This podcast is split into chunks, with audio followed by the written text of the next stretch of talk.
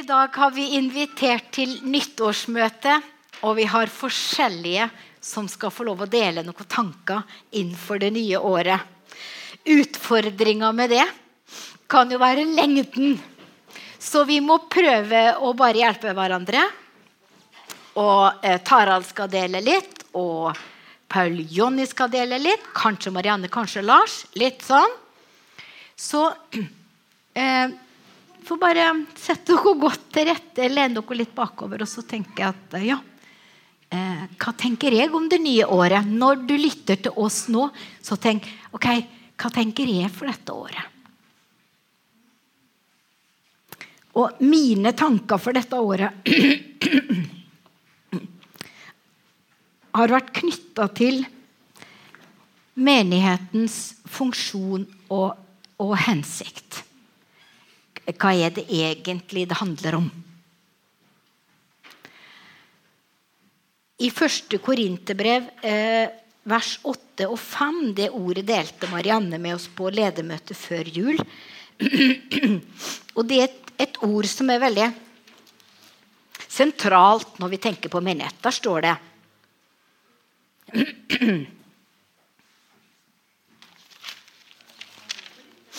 Andre korinterbrev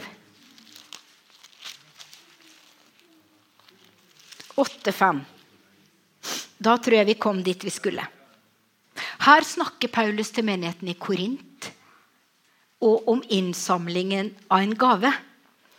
Og så gjerne et poeng av ut av hvordan de hadde gjort det. Og så sa han noe veldig fint. For han sa at i Korint ga de ikke bare slik vi hadde håpet. Men de ga seg selv først til Herren, og så til oss ved Guds vilje. Og det det her Gi seg selv først til Herren, og så til oss. Altså så til fellesskapet i menigheten. Og så kan man tenke at um, Går det an å gjøre det på noen annen måte, da?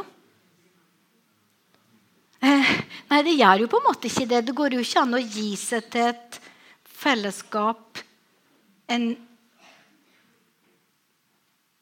hvis man ikke har en viss tro.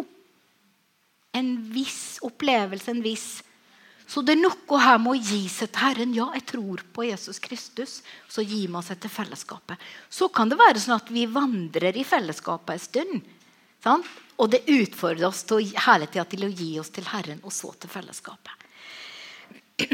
I, bare som en sånn bakgrunn vi gir oss først til Gud. Det er Han som føder oss på nytt. Og så blir vi en del av en kropp.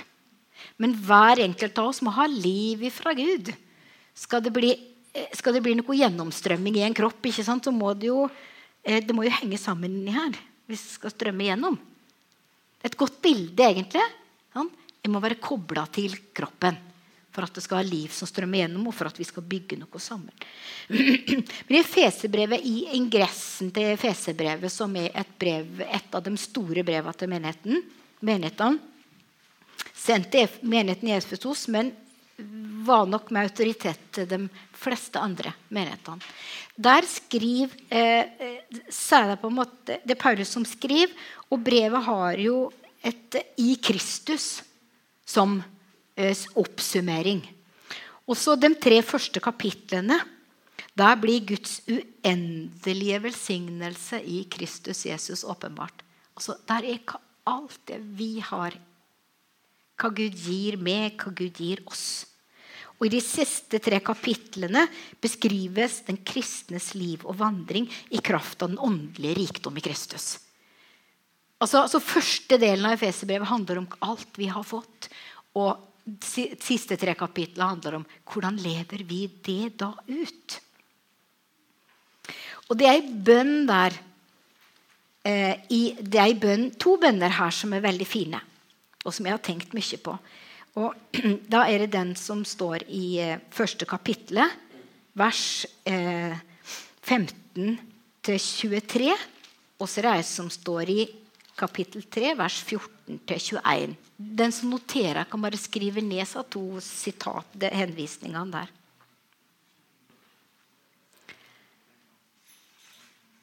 den, den bønna som står i kapittel 3 Der avslutter eh, Før den bønna så, så sier Paulus Derfor ber jeg om at dere ikke må miste motet av mine trengsler for dere, det som er deres ære. Altså, Menigheten hører om hva Paulus går gjennom, og så er de kanskje litt mismodige. Så sier Paulus dere må ikke miste motet pga. det dere hører om at jeg lider. Men jeg, sier Paulus, jeg bøyer mine knær for vår far. Og så ber jeg for dere. Jeg ber at han vil gi dere å bli styrka med kraft ved sin ånd i det indre mennesket etter hans særlighet store rikdom. Og så her er vi igjen jeg og Gud. Paulus ber om at vi, hver enkelt, skal bli styrka med kraft i vårt indre menneske. Der må fundamentet ligge. Det er det Gud gir inn i mitt liv, og det jeg får ta imot i, i mitt gudsliv. Og som vi ba innledningsvis la din vilje skje på jorden som i himmelen. La din vilje skje i mitt liv. La alt det gode du har for meg, la, det, la din kjærlighet til meg bli åpenbart. La meg få lov å være til velsignelse. Men så sa han at slik at Kristus får bo i hjertene våre ved troen, i det dere er rotfesta og grunnfesta i kjærlighet, for at dere skal være i stand til å fatte sammen med alle de hellige. Så her er det på en måte mysteriet at ja, hver enkelt så er vi helt levende. Vår relasjon med Gud. Men det er sammen. Og da evner vi plutselig å forstå fire dimensjoner. Normalt sett så oppfatter vi ikke mer enn tre. Men her er det snakk om høyde, bredde, lengde, dybde. Så i et fellesskap så kan vi forstå noe større av Guds kjærlighet til oss. Av Guds kjærlighet til meg og til min familie, til mitt nabolag, til hele menigheten, ja, til alle mennesker på jorda fra Adam og Eva til den siste som en gang blir født. Det er stort. Men vi skal få lov å være med kunne sammen gripe noe av storheten i Guds kjærlighet til oss. Hvor genialt han har tenkt det. Og på en måte hvor lett han har tenkt det. Han sa at uten meg kan dere ikke gjøre noe. Så det er nå greit. Men er vi uten Gud, da? Nei, vi er ikke uten Gud i denne verden. Han har sagt det med dere alle dager. Så Gud er med oss, og han ønsker at vi skal leve våre liv. At vi skal fastsette våre dager. I den, ikke i den forstand at vi skal være verdensmestere i planlegging. Men vi skal være verdensmestere i å si 'Gud, skje din vilje i dag'. La meg få se de menneskene jeg skal få se i dag. La meg få se de folka jeg møter i dag. La, la, la, gå, la, dem ikke bare bli som trær som jeg passerer. Men la, meg se de menneskene jeg møter.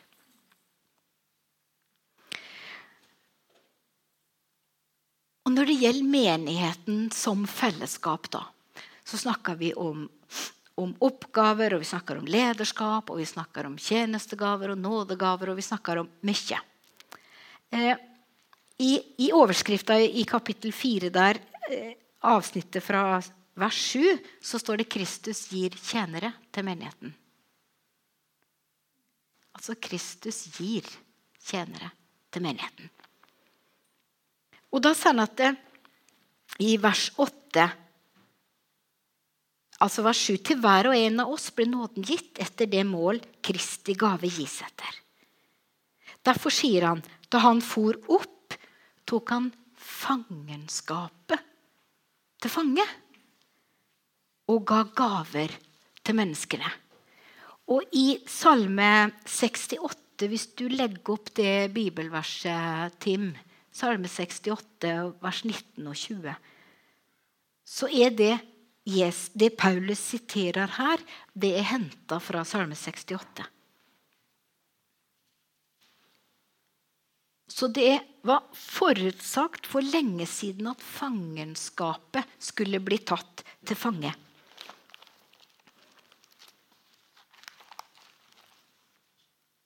Jeg kan lese det høyt, og så kommer det på skjermen. Du for opp i det høye, står det i 68 vers 19. Du tok fangenskapet til fange.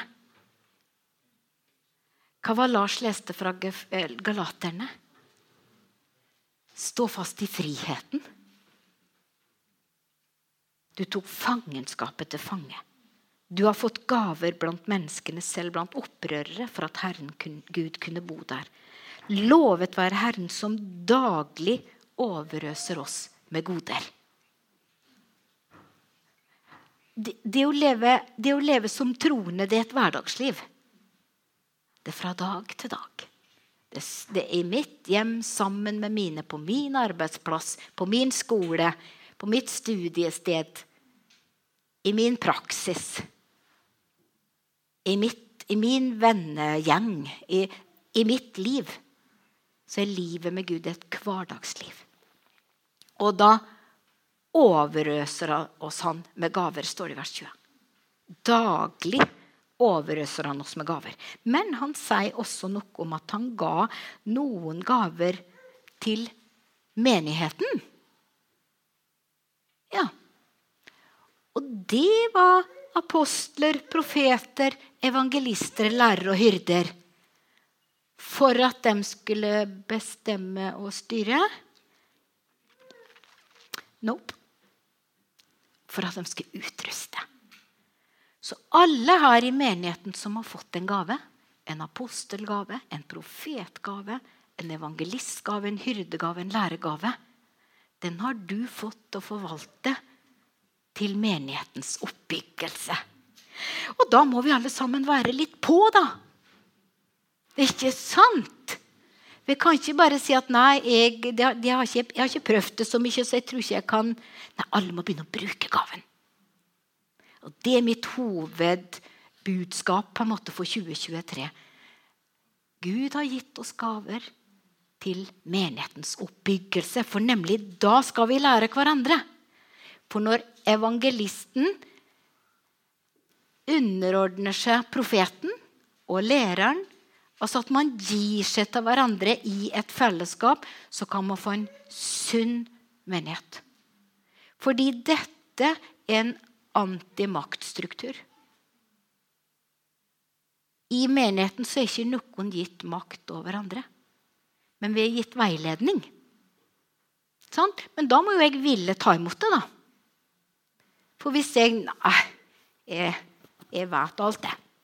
Må ikke komme og si noe til meg at eh, det var feil. Eller kanskje jeg skal tenke sånn. Eller kanskje du ikke får med hele sida.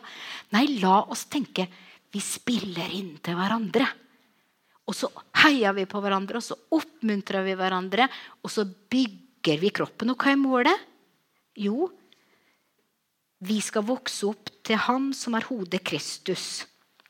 Ut fra Han blir hele kroppen sammenfeid. Altså vi her lokalt. Og så er det en kjempestor kropp også, da, som alle mennesker i hele verden som tror. Så det er jo lokale uttrykk, men det er jo Ja. Men vi må henge sammen. Sant? Vi må henge sammen. Da blir vi sammenføyd, og det skaper vekst for hele kroppen. Det er dens oppbyggelse i kjærlighet. Ja. La oss elske i sannhet. Jeg tror jeg skal stoppe der. Og så har jeg lyst til å gi ballen til uh, Jeg vil så spørre hvem syns nå det er greit å fortsette? Tara, litt tanke på deg. Passer det? Fortsette for deg nå? Da sier jeg vær så god til Tara. Neste innslag. Godt nyttår til alle sammen. Kjekt å se dere igjen. Det er virkelig kjekt. Jeg, jeg, har noe som Gud har lagt på hjertet mitt i dag. Og det feier seg veldig godt inn i det som eh, allerede har vært sagt her, både fra Lars og Liv Elinor. Og jeg eh, jeg har kalt overskrifta 'Leve innenfra'. Og da har jeg tatt utgangspunkt i ei historie som sikkert veldig mange av dere kjenner, kanskje de aller fleste, om den samaritanske kvinna som Jesus møter ved brønnen der i byen Sykar i Samaria. Settinga er det at Jesus og disiplene er ute på reise. Og så, og så kommer de til Sykar, og så er, er Jesus Merk det står at Jesus var så sliten, så han måtte satse ned og hvile. Han orka ikke mer. Og så sendte han disiplene sine inn til byen for å kjøpe mat. Litt, vi tenker kanskje om Jesus at han var Supermann som mestrer alt.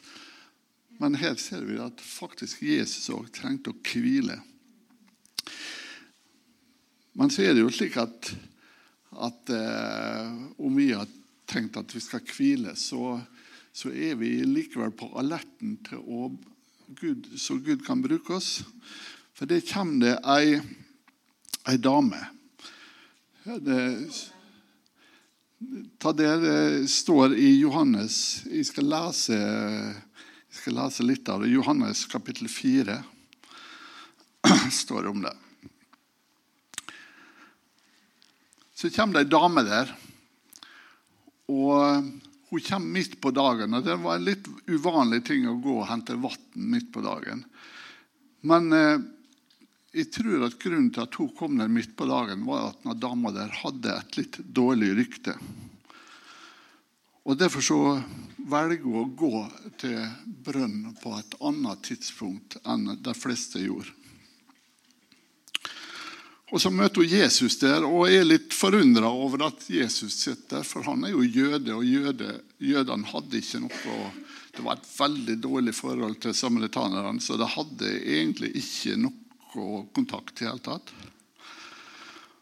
Og Enda mer forundra blir hun når Jesus snakker til seg. For det første var ikke bare det at hun var samaritaner, men hun var kvinne. Og på den tida så var det helt uhørt at en mann skal snakke til en kvinne i, i den situasjonen der. Men Jesus får likevel en god dialog med henne. og Jeg skal ikke lese hele historien, men jeg skal lese ett vi skal lese to vers. Og Det er like aktuelt i dag som det var for 2000 år siden. når dette var sagt. Og Det står i Johannes evangelium, kapittel 4, vers 13 og 14. Der står det nemlig For, det er en dialog her mellom dem om å, om å Jesus spør om at Eh, om, om, eh, spør om å få noe å drikke. Så det handler om å øse vann opp av brønnen og få noe å drikke. Men så sa han til henne, 'Hver den som drikker av dette vannet, vil bli tørst igjen.'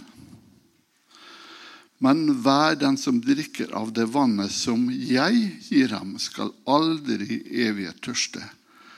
Det vannet jeg gir ham, blir i ham en kilde med vann som veller fram til evig liv. Det er ganske stilige ord. Jeg skal, jeg skal, komme tilbake til ta verset der, men jeg vil ta en liten eh, runde eh, først og reflektere over noe annet. Eh, den som er litt kjent i Bibelen, kjenner sikkert til det som står i Salme 42, vers 2 og 3. For der står det nemlig Som hjorten stønner etter rennende vann, slik lengter min sjel etter deg. Min sjel tørster etter Gud, etter den levende Gud. Hva, betyr dette her, da? Er det en motsetning? Først så sier Jesus til den samaritanske kvinnen at den som drikker av det vannet som jeg har gitt henne, han skal aldri tørste mer.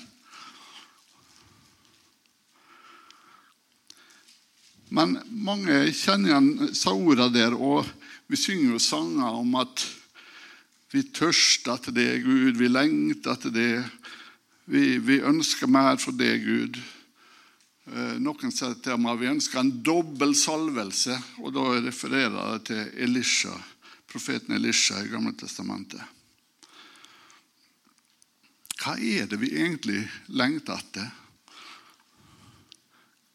når vi synger slike sanger eller, eller ber slike bønner? Hva er det vi lengter etter? Og hva, hvorfor er det slik at denne lengselen der aldri syns å bli metta. La oss ta en liten kikk rundt oss på verden omkring oss. Mens livet på jorda fra begynnelsen var sentrert om Gud og fellesskap med Gud, så er livet i dag blitt veldig individfokusert. Gud er blitt mer eller mindre forkasta. Og livet handler veldig om hva jeg kan prestere, og hva jeg kan få ut av det, og mine mål og mine prestasjoner. Mens gudsrelasjonen var det viktigste før, så er våre egne prestasjoner blitt satt i høyset i dag. Og hver enkelt har blitt, eh, har blitt ansvarlig for sin egen lykke, på en måte. Det er et ordtak som heter 'Du er din egen lykkes smed'. Og det passer veldig godt på vår tid. Denne tankemåten har også for en stor del trengt seg inn i menigheten.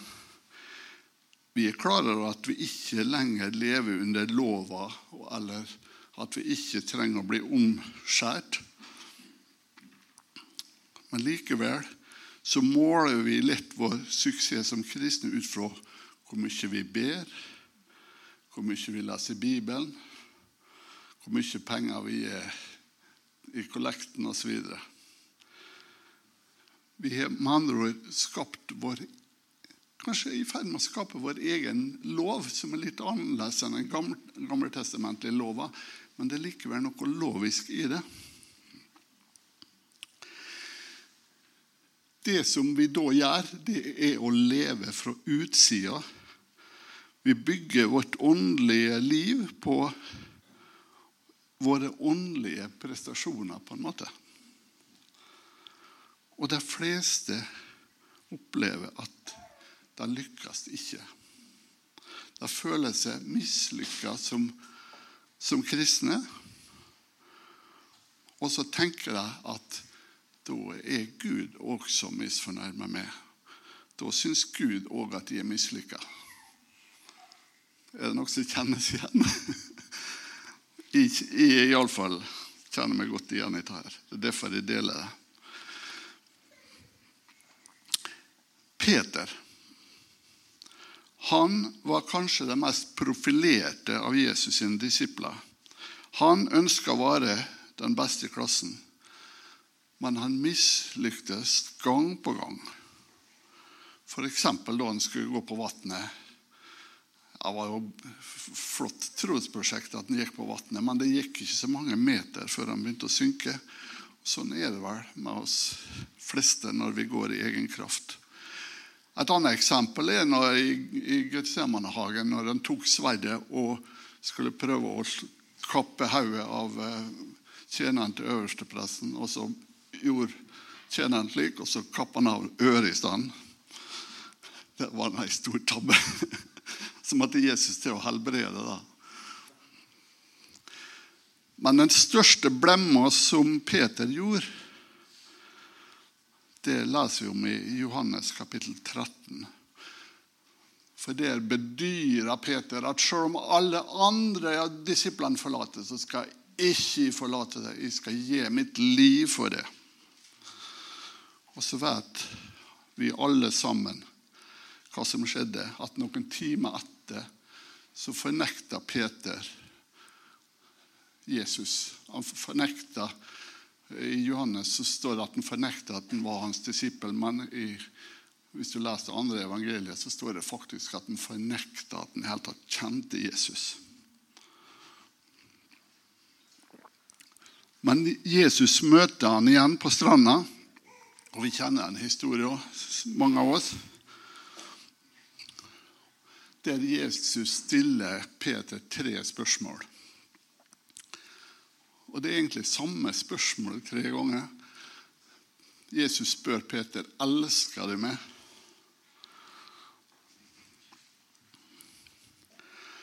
Og Peter opplever nok det som en eh, veldig pinlig situasjon. For Peter hadde jo sagt før Jesus ble korsfestet, at, at jeg skal, samme om alle svikter så skal ikke jeg svikte det. Og så svikter han så totalt. Så jeg tror Peter opplever det spørsmålet der veldig pinlig. Men legg merke til at når Jesus spør han spørsmålet, så gir han et oppdrag. Han sa, han sa, det på litt forskjellig måte, men han snakker om å fø sauene hans og, og, ta vare på sauene hans. Sånn at Jesus hadde ikke mista trua på Peter. ikke det ganske Peter hadde svikta så totalt. Men Jesus hadde ikke mista trua på ham. Og jeg tror at Jesus forsøkte å få Peter til å forstå at det ikke er hans kjærlighet til Jesus som teller, men det er Jesus sin kjærlighet til oss. I første Johannes brev det er jo han som skrev, Johannes har jo skrevet både Johannes brev og, og Johannes evangelium. Der står det i dette er kjærligheten. Ikke at vi har elsket Gud, men at Han har elsket oss og sendt sin sønn til soning for våre synder. Han på en måte kobla ut oss. Det, det, handler ikke om hvor mye vi elsker Gud. Det handler ikke om, hvor, hvor mye eh, prestasjoner vi har. Det handler ikke om hvor mye vi ber, hvor mye vi leser Bibelen, hvor mye, tid, eller hvor mye penger vi gir kollekten. Handler bare om at Gud har elska oss. Er ikke det fantastisk?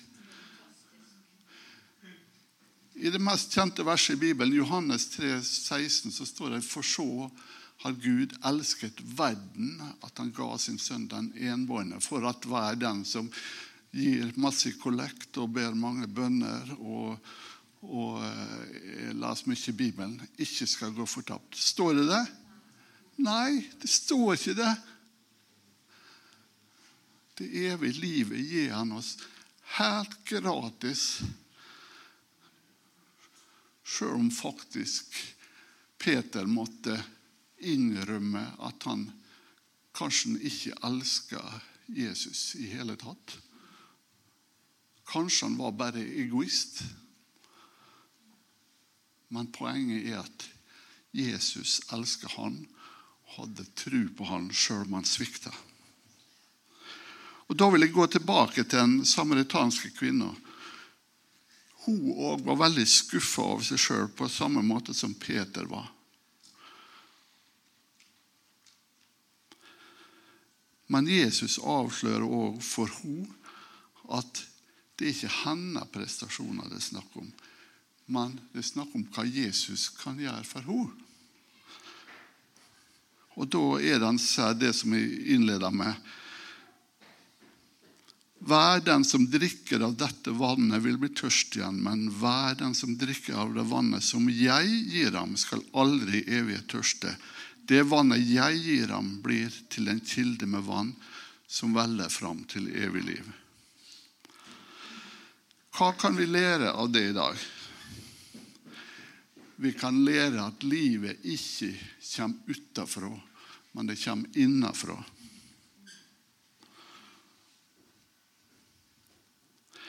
Vi trenger å fokusere på hva Jesus har gjort for oss, og ikke hva vi kan gjøre for han. Vi trenger å fokusere på at Jesus har tatt bolig i oss. At vi har fått en kilde til liv inni oss som vi kan øse av. Hvis du har tatt imot Jesus, så bor han i hjertet ditt. Og han er den indre kilden som du skal leve ut ifra. Gud han har lovt å lede deg. Han har lovt å gi deg visdom. Han har lovt å motivere deg, hjelpe deg, trøste deg, gi deg kraft, fylle livet ditt med åndens frukt. Han vil frelse deg, beskytte deg. Han og hele himmelen gleder seg over det. Sjøl om du ikke får det til. Dine synder og dine feiltrinn ser han ikke mer, står det i Bibelen. I men i, likevel så er du velsigna med all åndens velsignelse. Du er hode og ikke hale. Og ingen våpen som smis mot det, skal lykkes. Alt dette er sitat fra verset i Bibelen. Og det jeg lista opp nå, er bare en liten bit av det Gud har gitt deg. Jeg vil avslutte med å enda et bibelsitat, Romene 8,32. Der står det at han som ikke sparte sin egen sønn, men ga ham for oss alle, hvordan skal han kunne annet enn å gi oss alle ting med ham? Så Elinor oppfordrer oss til å på begynnelsen av nye året å tenke framover. Så mitt håp er både for mitt eget liv og for dere sitt liv og for oss som menighet at vi skal begynne å leve innenfra og ut. Søk å finne ut hvilken kilde Jesus har planta i det. Og Det bl.a. lese i Efeserbrevet, som Liv har snakka om her. Er en veldig god plass å begynne. Når du finner ut hva Jesus har planta i det, så vil du bli overraska. Og han vil vokse i dine øyne. Og du vil kunne begynne å leve hans liv istedenfor ditt eget liv. Amen. Ja, hei. Da eh, går litt i samme retninga som i forhold til Peter. og sånn. da. Peter han eh, står jo at Jesus ba for han, at troa hans ikke skulle svikte. Og det gjorde han faktisk ikke. Etter hvert så kom han til Jesus. Og da tror jeg Han kunne, han hadde nok eh, lest litt i Gammeltestamentet også, så er det et bibelvers som vi tenkte litt på, så kanskje Peter også tenkte på. Jesaja 43, 18. Det er jo et sånt nyttårsvers. Husk ikke på de første ting. Tenk ikke på det som var før. Se, jeg gjør noe nytt. Og Nytt er jo liksom nytt år. Det liksom da, kan det bli noe nytt? Gud har noe nytt for oss. Det er spennende tider. Og, og forventning til hva Gud gjør i våre, i våre liv. Hver dag tenker at hva, hva, gjør Gud i dag i mitt liv? Eh, men det er litt viktig også, hvis vi skal tenke på noe nytt, så at vi ikke tenker på tingene som er ordna opp i tidligere.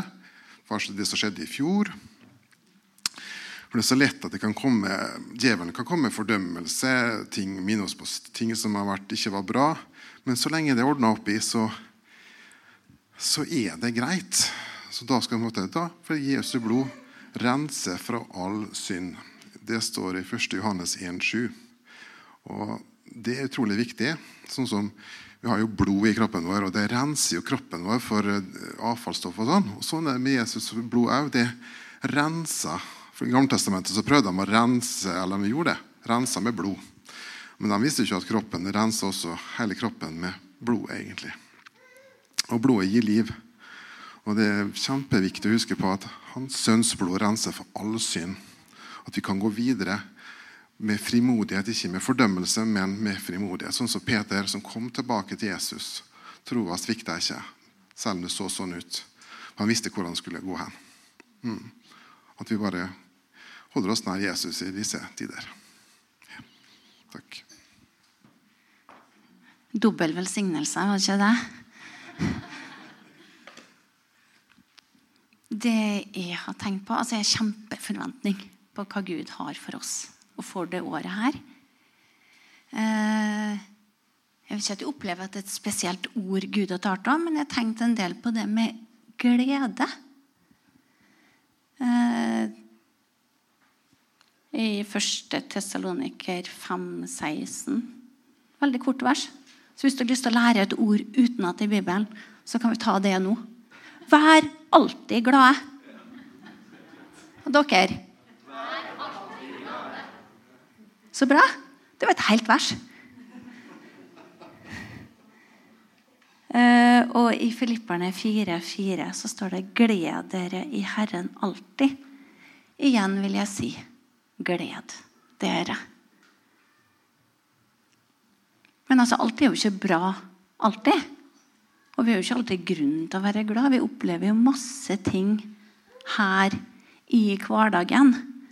Og det er jo ikke tenkt at vi skal gå ut som om gå rundt og smile og late som at alt er bra, når det ikke er det.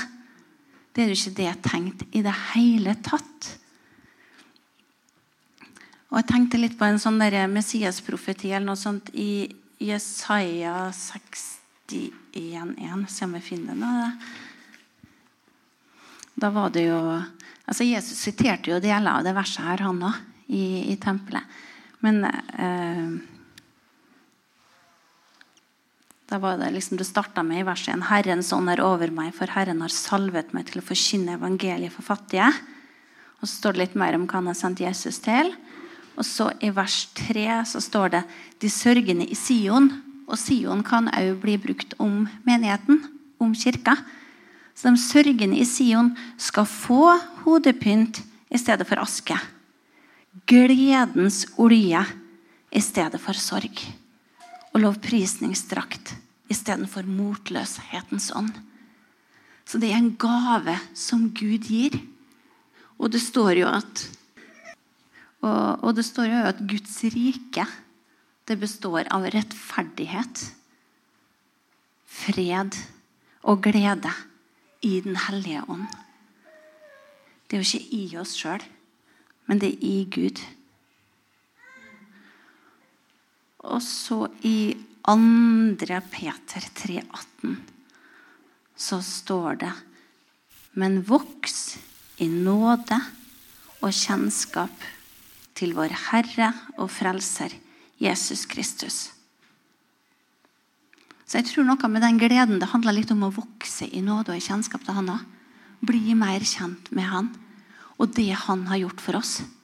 Og sånn som vi sang den sangen om Jesu blod, så når oss når vi er på høyden, når vi er der oppe, når livet er bra, og òg som når oss i dypet. Det, det, er tilgjengelig uansett hvor vi er hen i våre liv. Så er Gud der med sin nåde og med sitt blod.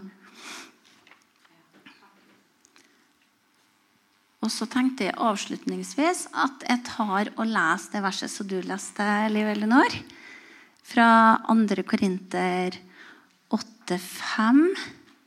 Og de ga ikke bare slik vi hadde håpet. De ga seg selv. Først til Herren, og så til oss ved Guds vilje. Men de hadde det ikke så lett, de eh, folka her heller. Eh, og jeg tror det har noe med den der, eh, kjennskapen til Jesus At de vokste i nåde. For i vers 2 i samme kapittel, så står det midt i en stor prøvelse og trengsel var deres glede så overveldende. Altså Sjøl om de hadde det skikkelig vanskelig, livet var trasig, livet var tungt, så var deres glede så overveldende at den til tross for deres dype fattigdom kunne virke en riv, rik gavmildhet hos dem. Og da ga de seg sjøl. Først til Gud, og så til hverandre. Tåler det mer, eller? Det er fantastisk. Det er nytt år og nye muligheter. vet du, Så her er det bare å kjøre på. Oi, oi, oi. Ja, det er bra. Jeg syns det er mye, mye fint som kommer fram. Og eh, når jeg eh, ba til Gud og Gud, Er det noe ord, er det noe du ønsker jeg skal dele eh, i dag? Og Da landa jeg på det verset som jeg delte før nattverden, om, om frihet. Passe på at vi lever i friheten. At vi ikke mister den friheten. Og, og fra Galatene 5, vers 1. Og Paulus han tenkte jo da først og fremst på hva, hva, er på en måte grunnlaget for vår frelse. Det er ikke det vi gjør og alt uh, ting som, opp, som, vi skal ordne opp i. Det er ved tro på Jesus. Så, men det var akkurat som det at det, det slo meg noe Ja, frihet. Vi trenger òg frihet i våre liv. For det, det er så mange ting som som bitter oss opp i alt det vi holder på med, så, så er det så mye er akkurat som det henger seg på. Og I hebreerne så står det 'legg derfor av alt som tynger'. Og synden som så lett henger, seg ved. Og det er noe der, altså. Vi skal få lov å legge av. Og Det tror jeg går litt på det å bevare friheten vår. For hvis vi ikke legger av ting som tynger, så, så greier ikke vi å være fri. Vi har på en måte friheten i Kristus, og vi tror det at vi er frelst pga. tro ved nåde. Men vårt daglige liv kan være tynga likevel. Og jeg tror at, at vi kan få lov å leve i en større frihet i livet våre. Ja, hvordan skal vi gjøre det, da? Og Da er det ikke kanskje ti punkt som du må gjøre for å få den friheten. Men jeg tror vi trenger å være ærlige, ærlige med hverandre. Vi trenger å dele liv med hverandre. Vi kan be for hverandre, vi kan støtte hverandre. Vi er et fantastisk privilegert som er i et fellesskap. Som går i en menighet som er åndelige brødre og søstre som, som kan, kan, stå sammen. Og da, Jeg tror at vi kan streve med så mange ting. Med stress og avhengighet og bekymring og, og sjølmedlidenhet. Det, det, det, er en lang rekke av ting som kan plage oss.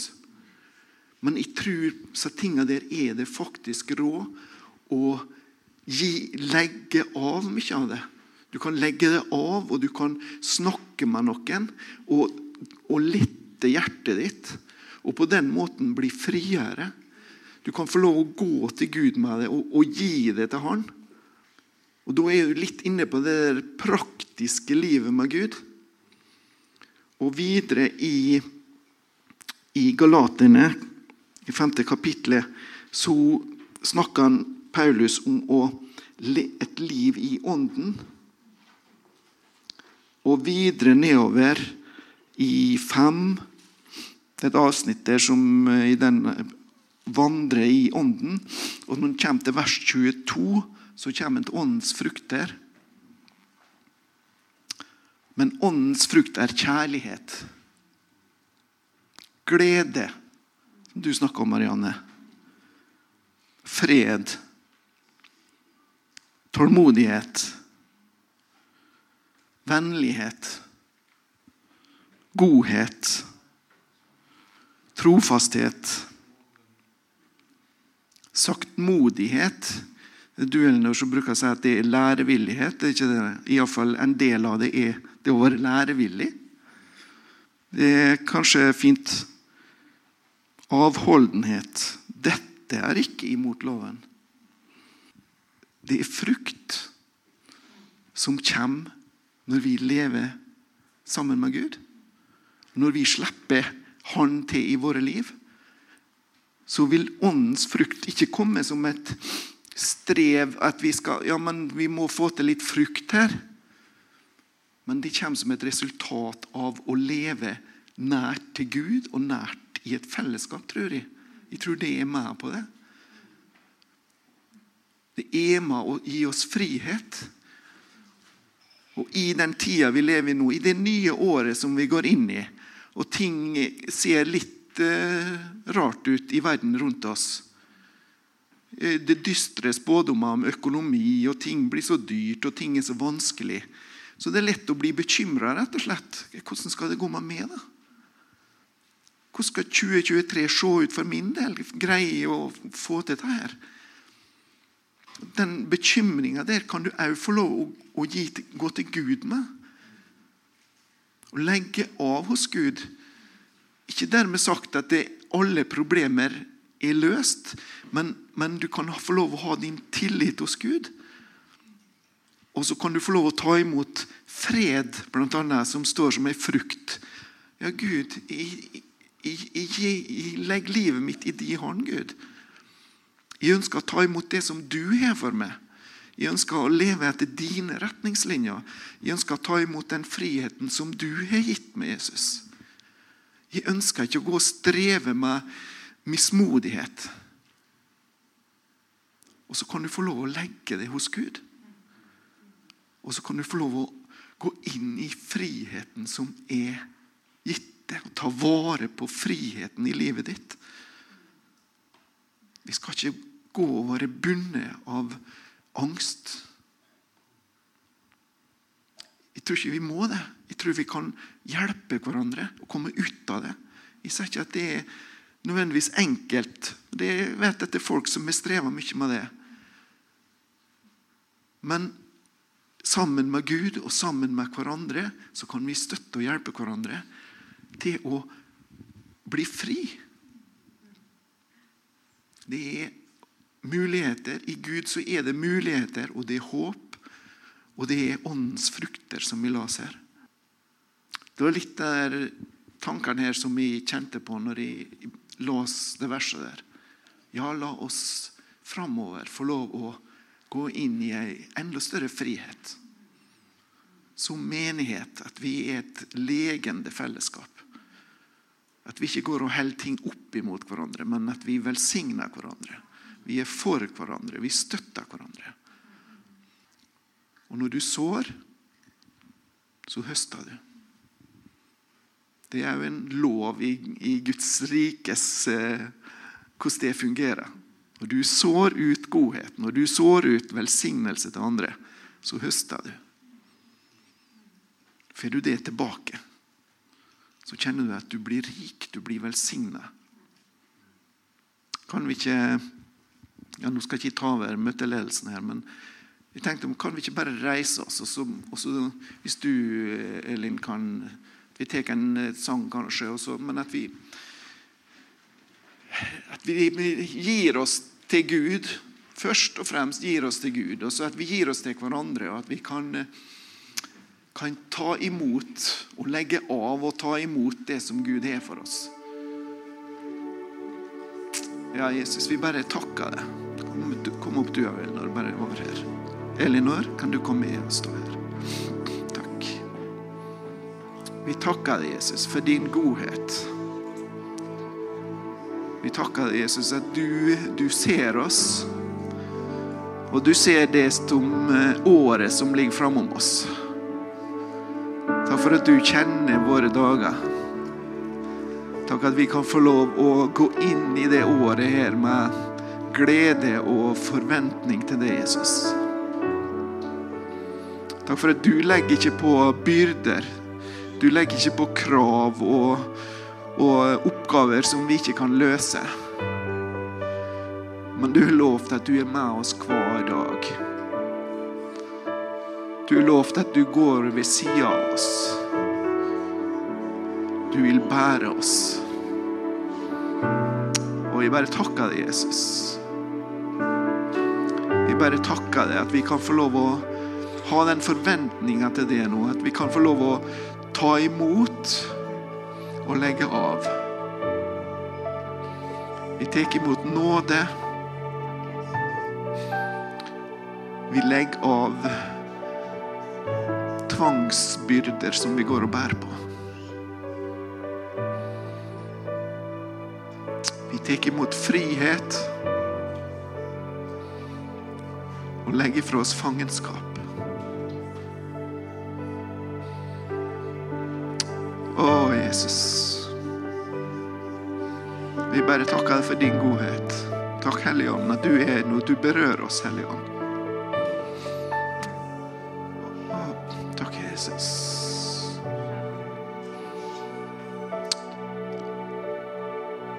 Takk for at du har fredstanker,